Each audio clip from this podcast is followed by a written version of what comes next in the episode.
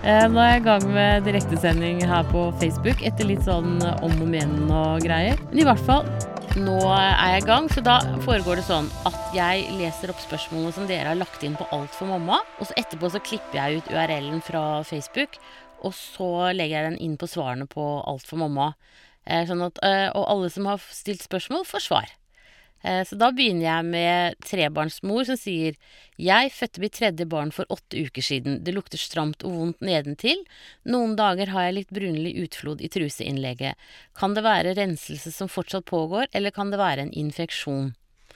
Eh, når det er sånn at det lukter vondt og ubehagelig, så tenker jeg at da bør man gå og få en sjekk.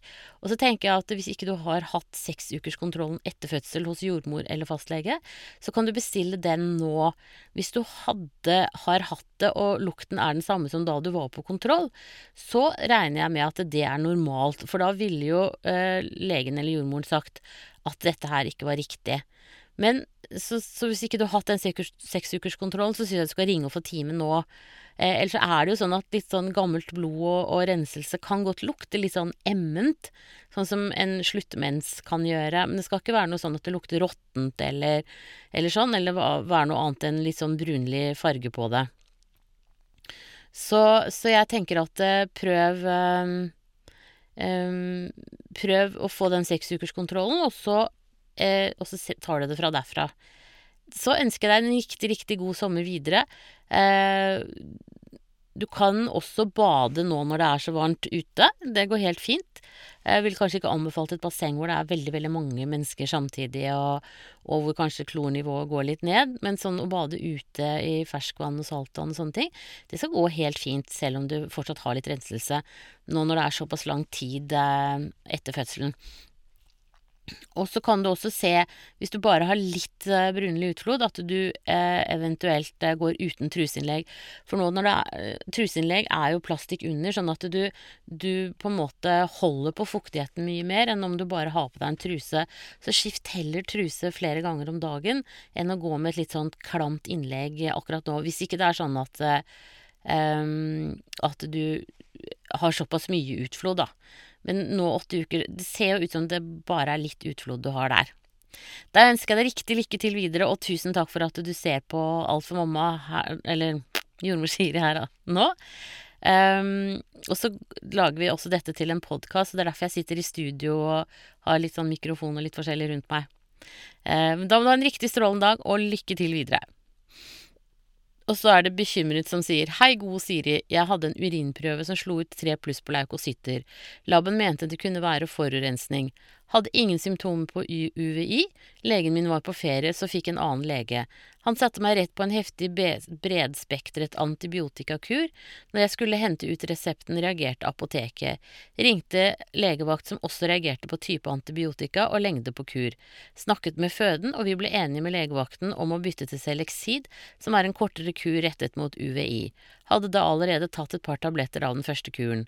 Så på ny test etter ti dager slår fortsatt testen ut tre pluss, men får da beskjed av en ny lege, fortsatt ferieavvikling, at det sikkert er en forurensning, og at det var det sist også, og at jeg skal ta en ny test for eventuelt å sende til dyrking når ånden slår ut. Denne legen reagerte også på at ikke første prøven ble sendt til dyrkning før antibiotika ble skrevet ut så lenge det var asymptomatisk UVI, og da vil de også teste for stafylokokker. Så nå er jeg redd at jeg har gått på antibiotika uten at det har vært nødvendig, og om det kan få negative konsekvenser for babyen.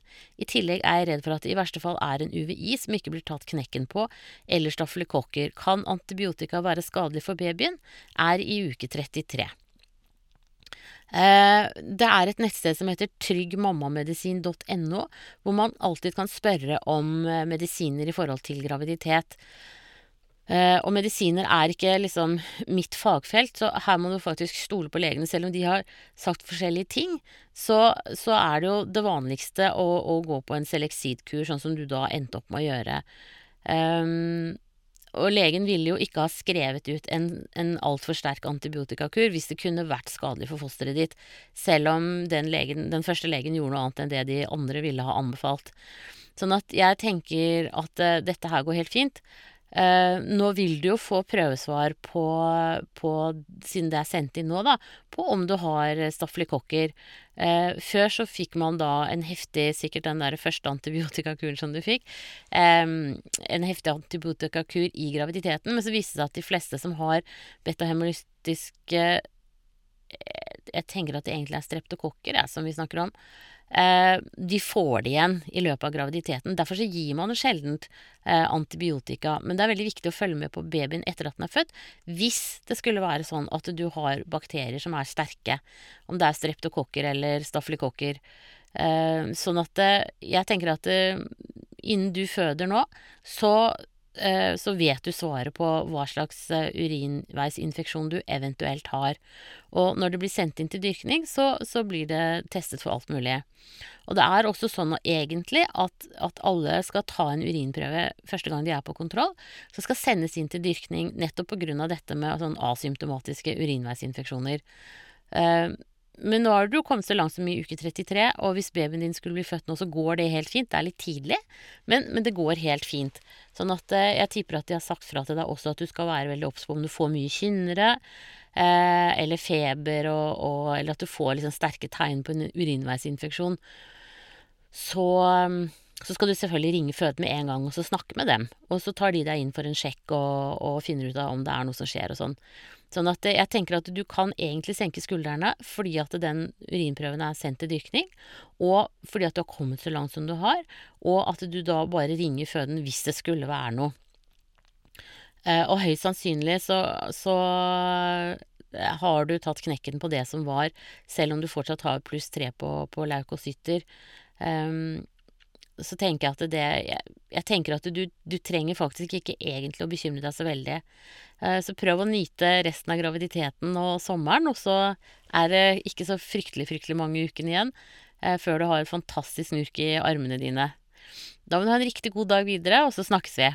Og bare legge inn Nettpraten er jo åpen i en halvtime til, så hvis du syns jeg ga et dårlig svar her, at det fortsatt er litt uklart, så, så bare legger du inn eh, spørsmål, flere spørsmål. Da må du ha en flott dag. Ha det bra. Og så er det første trimester som sier hei, er tidlig gravid uke 9 pluss 0 og har hatt en liten blødning i dag med friskt blod. Husker at jeg hadde en liten blødning en gang i uke 8 da jeg gikk gravid med sønnen min. Vet at det er normalt med små blødninger, vet at SA oftest er på grunn av misdannelser hos fosteret og dermed uunngåelig, og vet hvilke faresignaler jeg skal være obs på, smerte, større blødninger, feber. Men av nysgjerrighet, og selvfølgelig for å berolige meg selv nå, siden det skjer på samme tid som sist, lurer jeg på om det kan være hormonell blødning av at det gule legemet er på vei ut og morkaka overtar, eller er det litt for tidlig i svangerskapet til at det kan være årsaken? Eh, det er helt riktig det du sier, at det gule legemet eh, kutter ut, og så er det morkaka som overtar. Som regel så skjer det først mellom uke 12 og 13, eh, men at det kan være noen hormonelle endringer før det også, som man kanskje ikke vet like mye om. Eh, det, det, kan godt skje. Og så er det jo sånn at når man er gravid, så er slimhinnene skjørere. sånn at jeg tenker at det kan vel så gjerne være tilfeldig at det skjer med deg akkurat nå, da. Eh, men, men eh, her får man jo stadig mer og mer detaljkunnskaper etter hvert som forskningen går fremover. Så kanskje det er et eller annet der som, um, som er en faktor. Det som jeg gikk på jordmorskolen, så lærte vi jo aldri om at det gule legemet kuttet ut, og at det var morkaka uh, som tok over produksjonen av graviditetsbevarende hormoner. Men det har kommet senere. Så, så det, er, det, er, hele tiden fremskritt uh, i forhold til um, på hva som skjer på også graviditetsfronten, da. Så det er jo litt morsomt. Da må du ha en Men, men veldig bra at ikke du stresser noe med det og, og er veldig bekymra. Eh, for, for, dette er jo, som du sier, helt normalt. Da ønsker jeg deg riktig lykke til videre, og tusen takk for at du bruker Alfa Mamma og jordmor Siri. Ha det bra. Og så er det gravid 22 pluss 3. Hei! Syns underlivet lukter stramt og litt ubehagelig. Vasker meg hver dag med lunkent vann. Skifter truse flere ganger og vil helst ikke bruke truseinnlegg pga. forebygging av sopp. Har slitt med å pådra meg sopp ganske fort. Kan jeg prøve Vivag melkesyretabletter? Kan vel ikke skade det. Tenker på pH-verdien må være i ubalanse. Har også litt tjukk utflod, som er gul, men står utfloden kan være blank, hvit og gul. Jeg kjenner også bevegelser innvendig, men ikke alltid utenpå. Er andre barnet mitt dette? Når kan jeg forvente å kjenne på utsiden? Kjenner tydelig dunk og spark fra innsiden, men pappaen er ivrig på å kjenne han også. Ellers frisk og jobber 100 men merker at det er tyngre nå. Blir fort andpusten når jeg snakker eller skal lese fra rapport.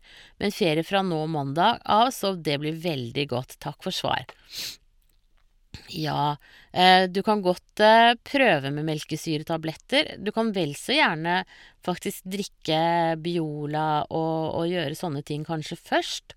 Og så se om, om, det kan være med på å rette opp eh, floraen din litt. For i, i Biola og yoghurt og, og, sånne ting så er det pre- og probiotika eh, som kan være med på å påvirke eh, floraen i skjeden litt. Eh, men, men, klart, Vivag, du må gjerne prøve det. Da er det lurt å ta det og, og sette det inn om kvelden, sånn at ikke alt bare renner ut helt med en gang.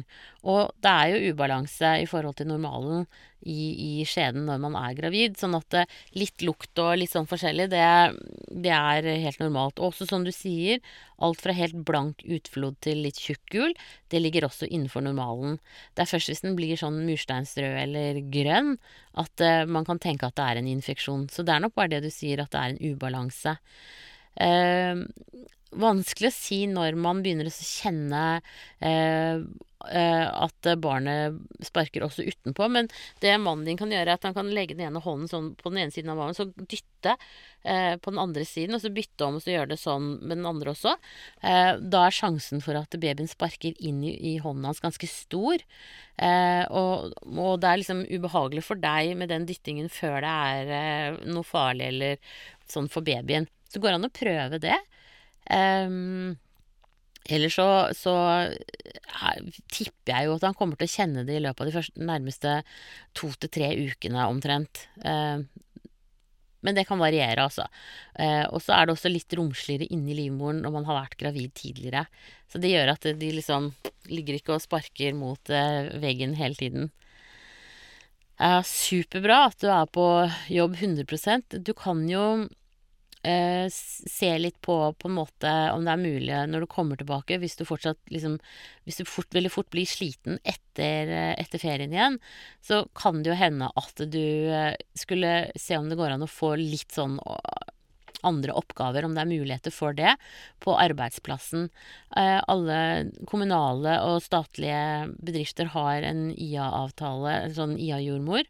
Um, har, som kommer gjennom bedriftshelsetjenesten på arbeidsplassen.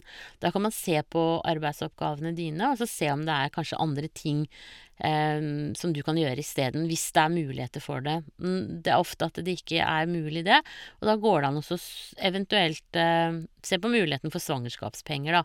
Men de blir bare gitt min, i de tilfellene hvor det er potensielt til skade for fosteret. Men da ser man på både psykisk og fysisk stress hos mor. Så prøv å få til en samtale med din leder og jordmor, eh, og, eh, og Altså jordmor fra bedriftshelsetjenesten, da. Noen steder har også kommunen begynt å ha jordmødre som kommer på arbeidsplassene og snakker med den gravide og leder. Men det, det må du høre med lederen din hvordan det er hos dere. Da ønsker jeg deg en riktig fin dag videre, og lykke til. Ha det bra! Og så er det ja, gravid 22 pluss 3 igjen, glemte å spørre om det viktige. Har under graviditeten vært hos legen én gang i uke 12 og jordmor i uke 17.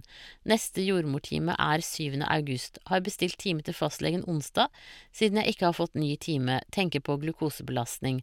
Den er ikke blitt tatt ennå, men kommer ikke kunne ta den på onsdag siden timen er klokken 14 og jeg skal jobbe klokken 15, men vil jeg få ny time av fastlegen da? Føler graviditet nummer to har vært lite oppfølging og lite, mer, lite timer i forhold til førstegangsfødende. Kan jeg velge bort jordmor og heller velge fastlegen fremover? Fastlegen min og jeg har mye bedre kjemi enn jordmor bindende, kan man få konsekvenser av å ikke møte til jordmor. Første gang jeg var hos jordmor, tok hun også en kopi av helsekortet mitt, siden hun ikke fikk skrevet alt inn på PC. Aldri opplevd dette før, men det er vel greit hun har kopi. Du kan bestemme selv om du vil gå til jordmor eller fastlege, og jeg støtter deg jo helt i det at du går til den du har god kontakt med. Eh, livet er altfor kort til å gå til dårlig helsepersonell. Så, så, jeg tenker at eh, Eller de du ikke får kontakt med. Der er vi jo forskjellige, ikke sant. Vi, vi får jo kontakt med forskjellige personer. Sånn at eh, hvis det er fastlegen du foretrekker, så bare fortsetter du hos fastlegen. Eh, glukosebelastningen er vel ikke riktig helt enda. Nå kan det hende at jeg eh, Uff, det der burde jeg kunne. Men det står inne på Helsedirektoratet sine sider. Hvis du googler eller søker der på, på svangerskapet, så, så, står hele den svangerskapsoppfølgingen eh, med hver kontroll og hva de skal gjøre på de forskjellige kontrollene. Eh, og der står det også om glukosebelastningen. Eh, jeg trodde ikke den var før i uke 27 på alle, men, men eh, det kan du uh, høre med fastlegen din om. Eller altså sjekke der inne. Og helt greit å ha den timen nå til uka, og så Eller denne uka Er det i morgen, kanskje? Men, men, da kan dere jo avtale For du behøver ikke være hos legen nødvendigvis for å ta en glukosebelastning.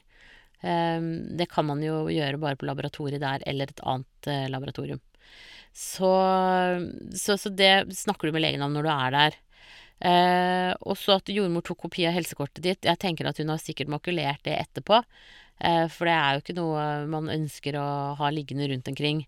Eh, også fordi at eh, man har vel ikke i så stor grad noen mulighet til å oppbevare ting eh, sånn papirmessig. Alt skal jo være på elektronisk. Så jeg tenker at du behøver ikke å, å bekymre deg noe for det. Hun har bare sikret at uh, dine opplysninger blir skrevet riktig inn på, på, i dataprogrammet. Så det tenker jeg det er bare Det er ikke noe å være noe bekymra for, altså. Så, så men uh, gjør det som du tenker er best for deg. Eh, og snakk med legen din om at du gjerne vil gå til legen videre fremover. Da bare avtaler dere nye timer der. Eh, og så, sånn at du har liksom en, en, ny time hver gang du forlater legen din.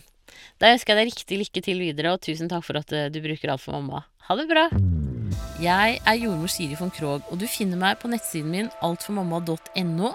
Jeg er på Facebook både med jordmor Siri for de som er gravide og venter barn, og så med Alt for mamma for de som har født og har små barn i huset. Og så er Alt for mamma på YouTube, og på Instagram så er det hashtag alt for mamma. Send meg gjerne en e-post om temaer på podkast.jordmorsiri.no. Og har du en historie å dele eller et hjertesukk, så kan du lese det inn på telefonen din, og så kan du sende det til meg på mail. Og da kan vi bruke det i podkasten, og da må du også si fra om du vil være anonym eller ikke.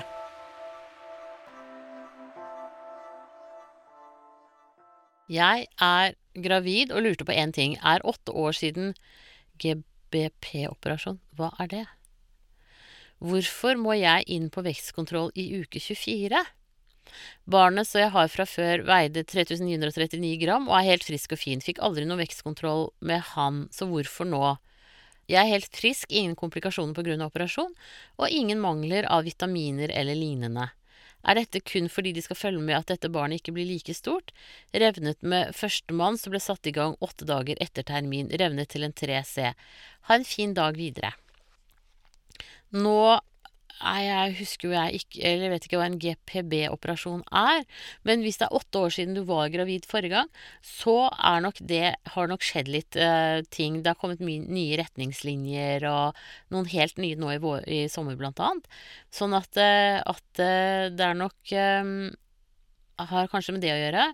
Eh, og så tenker jeg at det med vekstkontrollen i uke 24 kan nok ha en sammenheng med at du revnet eh, sånn som du gjorde sist.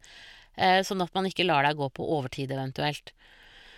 Eh, hvis man ikke har noe tegn til svangerskapsdiabetes, så blir ikke babyen noe særlig større etter termin.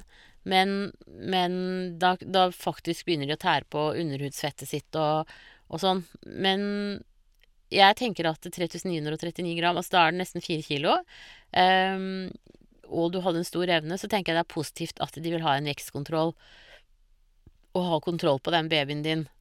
Um, men jeg syns absolutt at du skal spørre om det. Uh, når du kommer inn på Eller når, på, når, du er på neste kontroll, så spør om det hvorfor, hvorfor de har uh, satt opp til det. Uh, og da kan det hende at de setter deg i gang litt før termin denne gangen, hvis det ligger an til å bli et stort barn. Men 4000 gram, altså 4 kilo, er heller Altså det er, det er, et stort barn, men det er ikke et svært barn. Det er litt større enn normalen.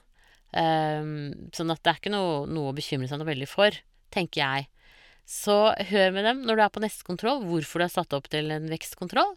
Og så Sånn helt automatisk. Og så se hva de sier. Um, og det gjelder alle. Spør alltid om det dere lurer på. Jeg vet at det er vanskelig å spørre der og da, men skriv det heller ned på telefonen, og så ha med det neste gang. Og så still de spørsmålene du ikke rakk å stille på, på forrige kontroll. For det, ellers så går man rundt, og så surrer det, og så, og så blir man liksom litt sånn ja, hva var dette for noe egentlig? Litt sånn som du har det nå. Og da tenker jeg at da er det mye bedre å stille spørsmål. Det er ingen spørsmål som er dumme å stille. Hvis man lurer på noe, så spør. Mye, mye bedre å gjøre det. Både når man er gravid og under fødsel, og på helsestasjonen seinere også, selvfølgelig, enn å, å, gå og bli eh, usikker og lure. Da må du også ha en kjempefin dag videre, Lena, og så snakkes vi. Ha det bra. Så skal vi se og ja, også her står det også at det var ingen vekstavvik eller registrert feil på ordinær ultralyd. Nei, da, vet du, da vet jeg ikke. Da har jeg ikke noe sånn veldig gode eh, svar. Kan det hende at det er en som er under utdannelse, eller noe sånt, som trenger litt trening, eh, som skal se på deg? Um, hvis det er fastlegen din, så er det liten vits i, lite hensiktsmessig. For det bør være en som gjør eh, mange ultralyder. Ehm, men hvis det er på sykehus og sånn, så tenker jeg Har de begynt med noe Er det noe forskning de holder på med, eller hva er dette? Jeg syns absolutt at du skal spørre om det. Og kjempebra at det ikke var noe vekstavvik eller feil når du var på ordinær ultralyd. Da ønsker jeg deg riktig lykke til videre, og så snakkes vi. Ha det bra! Og så er det Sol tredjegangs. Hei sann! Har de siste ukene hatt store problemer med bekkenet om natten, morgenen, så må jeg lirke meg ut på sengekanten i smerter fra en annen dimensjon. Når jeg endelig er på beina, føles det ut som alt skal falle ut når jeg går og står. Må rett og slett puste meg gjennom smertene. Uff, det høres vondt ut. De siste dagene har jeg hatt vonde kynnere som med nedpress som kjennes ut som smårier, ikke regelmessige, men som er veldig ubehagelige og ofte litt vonde. De roer seg ikke ved hvile, og kommer ved hvile også. Jeg syns at du skal få time hos fastlege eller jordmor i så fort som mulig. Eh, du skriver ikke hvor langt du har kommet, men hvis ikke du får time hos jordmor eller lege en av de første dagene, så syns jeg at du skal ringe til fødestedet ditt og så snakke med dem. For dette her er smerter som er uh, veldig kraftige, og det at du har uh, mye nedpress Det er klart at når du er tredjegangsfødende, har man mer nedpress enn ellers enn en første gangen, mener jeg. Men, men det, dette her er sånn Sånn som du beskriver det her, så tenker jeg at du skal ha en sjekk. Så få en sjekk i dag eller i morgen. Eh, ikke noe, vent noe lengre enn det. Eh, og hvis ingen tar imot deg, så drar du rett og slett på legevakta, og så sender de deg videre. Eh, så det tenker jeg det er eh, Absolutt egentlig få en sjekk i dag, tenker jeg. Så hiv deg rundt og få ringt og få en kontroll.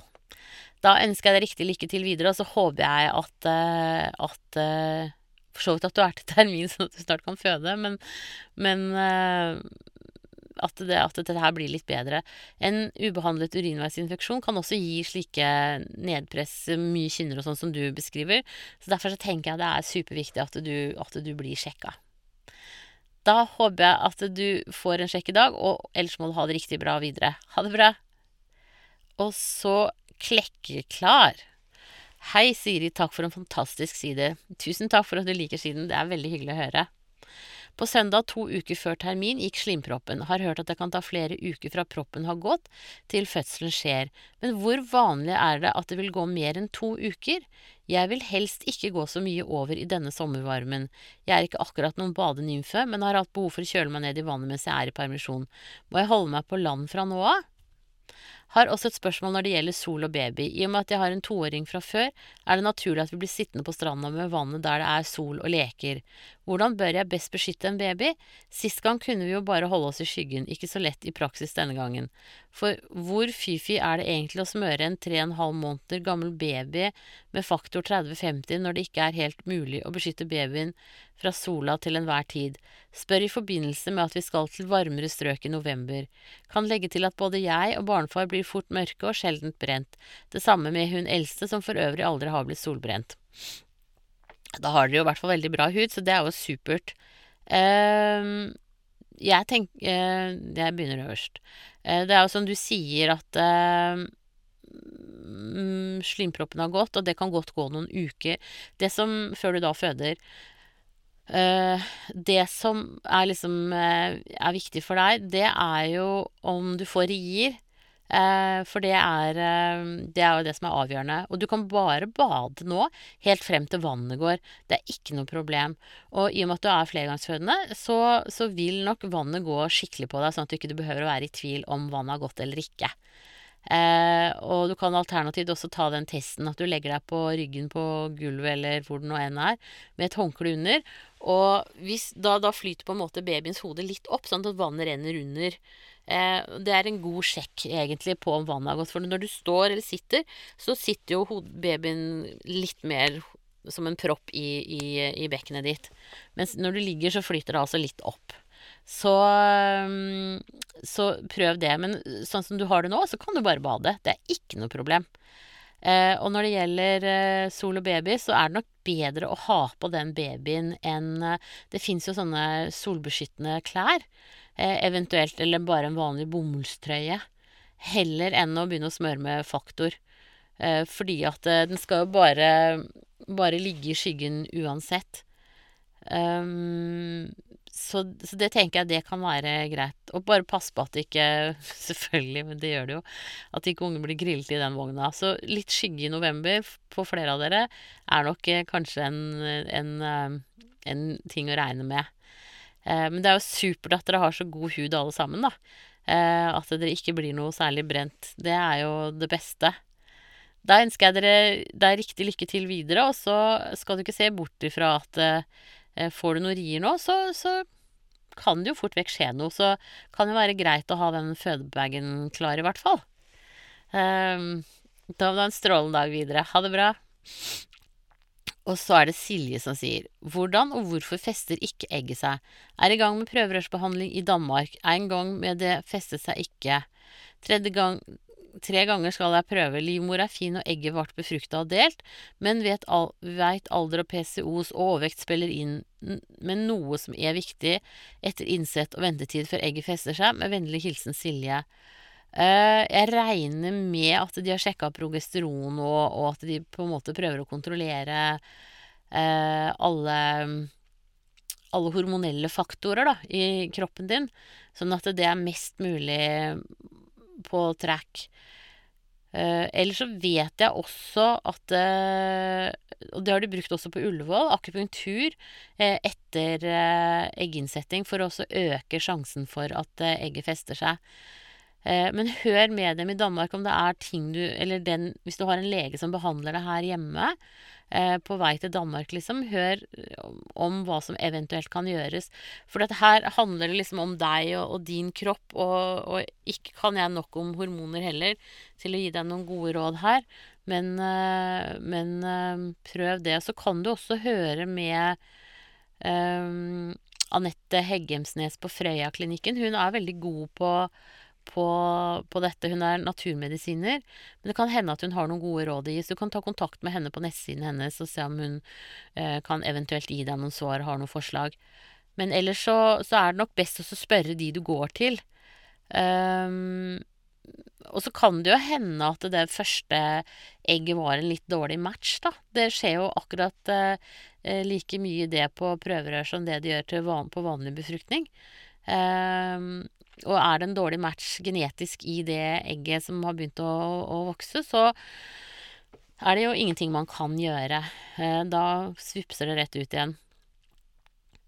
Um, Ja. Nei, vanskelig å vite. Altså, får bare krysse fingrene for at det klaffer. Eh, det som noen ganger kan hjelpe, er jo metformin. Fordi at PCOS er en insulinforstyrrelse i kroppen. Eh, så hør med legen som foreskriver medisiner til deg i forhold til dette her, om, hvis ikke du allerede går på det, om metformin kan være noe for deg. Da ønsker jeg deg riktig lykke til videre, og tusen takk for at du bruker oss her. Eh, og beklager at jeg ikke kan gi noe sånn fryktelig mye bedre svar enn dette. Eh, dette er en av de tingene jeg tror jeg skal ta opp på podkasten min, dette med PCOs. For det, det, er veldig Det er en god del som har det, og det er en, noe man kan gjøre med det. Eh, for at man også da skal kunne bli gravid. Da ønsker jeg deg riktig lykke til videre ved neste forsøk. Tvi-tvi, og ha det bra. Og så er det Mari som sier Hei, Siri. Jeg er i uke 26 pluss 4 nå, og har de siste ukene hatt en del vondt rundt skambenet eller symfysen. Ut fra det jeg leser, kan dette være bekkensymptomer. Jeg synes det går greit på dagtid, da jeg føler jeg har god balanse mellom aktivitet og hvile. For eksempel prøver jeg å bevege meg litt, og ofte på jobb, så jeg ikke stivner til. Da blir jeg i så fall stående noen sekunder før jeg får til å bevege meg. Tar noen øvelser hver dag, tøyer pluss sånn hundelignende øvelse med å strekke ut mot motsatt arm og bein. Problemet mitt er på nattestid. Jeg våkner flere ganger i timen og får to til fire timers søvn til sammen. Noen ganger én time på ettermiddag. Dette skyldes at jeg stivner til i sengen, og jeg våkner av at jeg snur meg og får vondt i bekkenet. Litt psykisk uro også på grunn av noen komplikasjoner i svangerskapet, men heldigvis sparker den lille så mye at jeg har klart å roe meg litt, og stoler mer på at jeg kan merke om noe er galt. Jeg føler meg nå veldig utslitt og rar i hodet, jeg vet ikke helt hva jeg skal gjøre med natteproblemet. Har du noen råd? Hva tror du bør eller kan være terskelen for delvis sykemelding. Hva er dine erfaringer? Jeg merker det er vanskelig å be om mer enn de 20 sykemeldingene jeg har hatt siste måned, føler så skam inne hos legen. Har jo ikke store smerter på dagtid som jeg leser om andre, men det er konsekvensen av natten. På forhånd takk for svar. Eh, jeg tenker at eh, du nok kan trenge litt mer sykemelding enn det du har. Eh, fordi at det er helt opplagt at når man ikke sover om natten, så får man det også litt dårligere mentalt. Sånn at, eh, eller sjansen for det er i hvert fall veldig mye større. Så jeg tenker at eh, vi må prøve å, finne ut av hva du kan gjøre om natten. Eh, det du burde gjøre, er å gå til en manuellterapeut eller fysioterapeut eller eh, osteopat, kiropraktor, et, en eller annen som kan, kan, dette med bekkenet, og høre om kan det være en skjevstilling i bekkenet eller ryggen din, enn noe som på en måte kanskje kan knekkes på plass, da. Eh, for å se om det kan gjøre at du sover bedre om natten. Og så bør det også ligge dandert med nå er det i uke 26. At du har en ekstra dyne mellom knærne. Og den kan du også på en måte legge under maven på siden hvis du vil det. Um, sånn at du, at du ikke liksom blir liggende og krysse beina, på en måte. Jo mer sånn spisst det er, jo større mer belastning blir det på bekkenet. Og så kan du også ligge, eh, når du ligger i sengen om natten, at du kan ligge og løfte og, og altså ligge og rulle litt med bekkenet sånn frem og tilbake, og også sånne sirkulære bevegelser. Um, det er sånn som kan løsne opp i bekkenet ditt ganske raskt, og som ikke krever så veldig mye. Så når du liksom skal snu deg og har stivna, så prøv også å bevege deg bare akkurat litt sånn småbevegelser først, og så se om ikke det kan liksom uh, løsne det litt. Men jeg tenker at uh, dette er jo ikke noe Det er jo ikke noe skam. Uh, du er gravid, og det er kjempeflott, og jeg tenker at, eh, at, det kan hende at du skal ha en litt større sykemelding for en periode, sånn at du kan hente deg inn litt mer. At du kan sove kanskje to lurer i løpet av dagen, eh, eksempel. Så snakk med legen eller eh, legen din om det. Eh, men jeg tenker også, nå kan du jo gå til manuellterapeut og fysioterapeut helt selv. Eh, trenger ikke rekvis fra legen lenger. Og og se om det er noen i nærheten av der du bor som er gode på dette med å være gravid. Uh, og så ikke tenk på hva legen din uh, sier eller mener. Du må bare forklare dette at nå, du sover nå såpass dårlig at du føler deg litt rar i hodet. Uh, og da tenker jeg at det er signaler som den legen din burde ta. rett og slett. og da tenker jeg at Kan hende at du bare skulle vært 100% sykemeldt en uke bare for å sove akkurat når det passer deg, og så trappe opp. Eh, sånn at du jobber da mer og mer i de ukene som kommer. Men eh, definitivt ikke mer enn 20 Kanskje, kanskje du skal være 40 sykemeldt eh, resten av graviditeten, eller i hvert fall til du får det bedre. Um, så, så, se om Kjør begge deler, liksom. Gå til legen din, få uh, snakk med legen om hvordan du har det, og hør med en ytterligere sykemelding.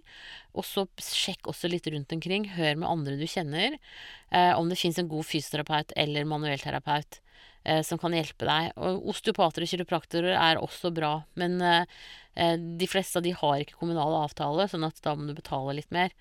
Ehm, men, men, bare sånn for å få kartlagt hva det er, om det er en bekkenløsning eller om det er en låsning, det kan være veldig kjekt. Og inne på Alt for mamma så ligger det også en artikkel om dette med forskjellen på bekkenløsning og bekkenlåsning. Og på podkasten så snakker eh, På Jordmorsyre podkast så snakker Sigrun Kleiv også om det med med bekkenlåsning og løsning og bekkensmerter i graviditeten, og hva du kan gjøre, så hør på den podkasten. Jeg legger link i svarene her til podkastene også etterpå. Eh, men husk på at dette er for en kort periode i livet ditt. Eh, du skal jobbe 100 eh, resten av livet. Du er en flott arbeidstaker. Her er det snakk om bare noen måneder. Så pass på deg selv og barnet ditt. Det er det viktigste som du gjør akkurat nå. Da ønsker jeg deg riktig lykke til videre, og så håper jeg at du, at du blir litt bedre i bekkenet snart. At kan, eller at du kan få litt tips om hvordan du skal ligge og bevege deg. Da ønsker jeg deg riktig lykke til videre, og husk å abonnere på denne podkasten, slik at du får varsel om nye episoder. Produsent for denne podkasten er Tom Langeland, og opptakene er gjort hos Biovisjon Studios.